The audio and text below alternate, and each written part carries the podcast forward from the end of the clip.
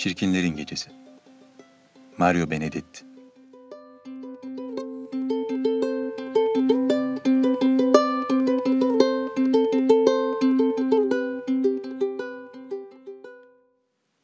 İkimiz de çirkiniz. Üstelik bu öyle sıradan bir çirkinlik değil. Onun bir elmacık kemiği 8 yaşındayken geçirdiği ameliyattan ötürü içe göçük.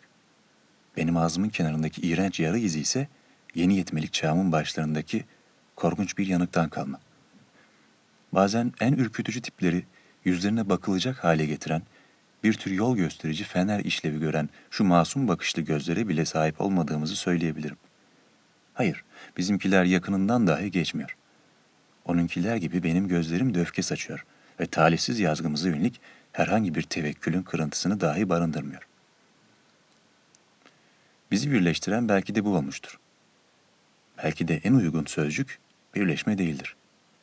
Her birimizin kendi yüzü için hissettiği o iflah olmaz nefreti kastediyorum aslında. Onunla sinema girişinde rastgele iki güzel insanın aşkını beyaz perdede seyretmek için sıra beklerken tanıştım. Birbirimize herhangi bir sempati duymadan karanlık bir dayanışma duygusuyla ilk kez orada inceledik. Karşılıklı yalnızlıklarımızı daha ilk bakışta orada fark ettik. Sıradaki herkes ikiliydi. Ama bunun ötesinde hepsi gerçek çiftlerdi. Karı kocalar, nişanlılar, sevgililer, dedelerle nineler ve artık her neyse. Hepsinin elinde ya da kolunda birisi vardı. Sadece onunla benim ellerimiz boş ve gergindi. Birbirimizin çirkinliklerine merak duymadan titizlikle ve küstahlıkla baktık. Elmacık kemiğinin üzerindeki çukuru yanık izli yanağımın verdiği özgüvenin rahatlığıyla inceledim. Yüzü hiç kızarmadı. Sert tavrı ve onu inceleyişimi eski yanağımın düz, parlak, sakalsız bölgesine ayrıntılı bir göz atışla bana iade edişi hoşuma gitti. Sonunda salona girdik. Farklı sıralara önlü arkalı oturduk. Bana bakamıyordu ama ben alacakaranlıkta bile onun sarı saçlarla kaplı ensesini, biçimli ve diri kulağını seçebiliyordum. Normal tarafındaki kulağıydı bu. Bir saat 40 dakika boyunca sert baş aktörün ve nazik baş aktrisin güzelliklerini hayranlıkla seyrettik. En azından güzel olanı seyretmeyi her zaman bildim. Reddetmeye daha ziyade kendi suratım, bazen de Tanrı için başvuruyorum. Diğer çirkinliklerin ve diğer korkulukların suratları içinde. Acımı hissetmeliyim belki ama yapamıyorum. Gerçek şu ki onlar bana bir tür ayna gibi görünüyor. Bazen Narkissos'un elmacık kemiği üzerinde bir çukur olsaydı, asit yanağını yaksaydı, burnunun yarısı olmasaydı ya da alnında dikiş izi olsaydı, o mitin akıbeti nasıl olurdu diye kendime soruyorum. Onu çıkışta bekledim. Birkaç metre yanında yürüdükten sonra konuştum. Durup bana bakınca tereddüt ettiği izlenimine kapıldım. Biraz sohbet etmek için bir kafe ya da pastaneye gitmeyi teklif ettim. Hemen kabul etti. Pastane doluydu ama çok geçmeden bir masa boşaldı.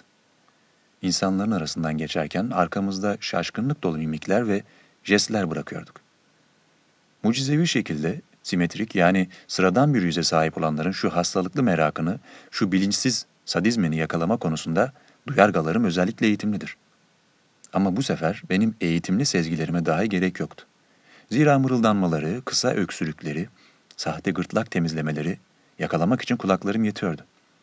Tek başına dolaşan korkunç bir surat elbette ki belli bir ilgi uyandırır ama yan yana gelmiş iki çirkinlik ondan çok daha büyük, neredeyse eş güdümlü bir gösteri oluşturur ve bu gösterinin birisiyle birlikte dünyayı paylaşmaya değecek denli iyi görünümlü birinin yanında seyredilmesi gerekir. Masaya oturduk ve iki dondurma söyledik.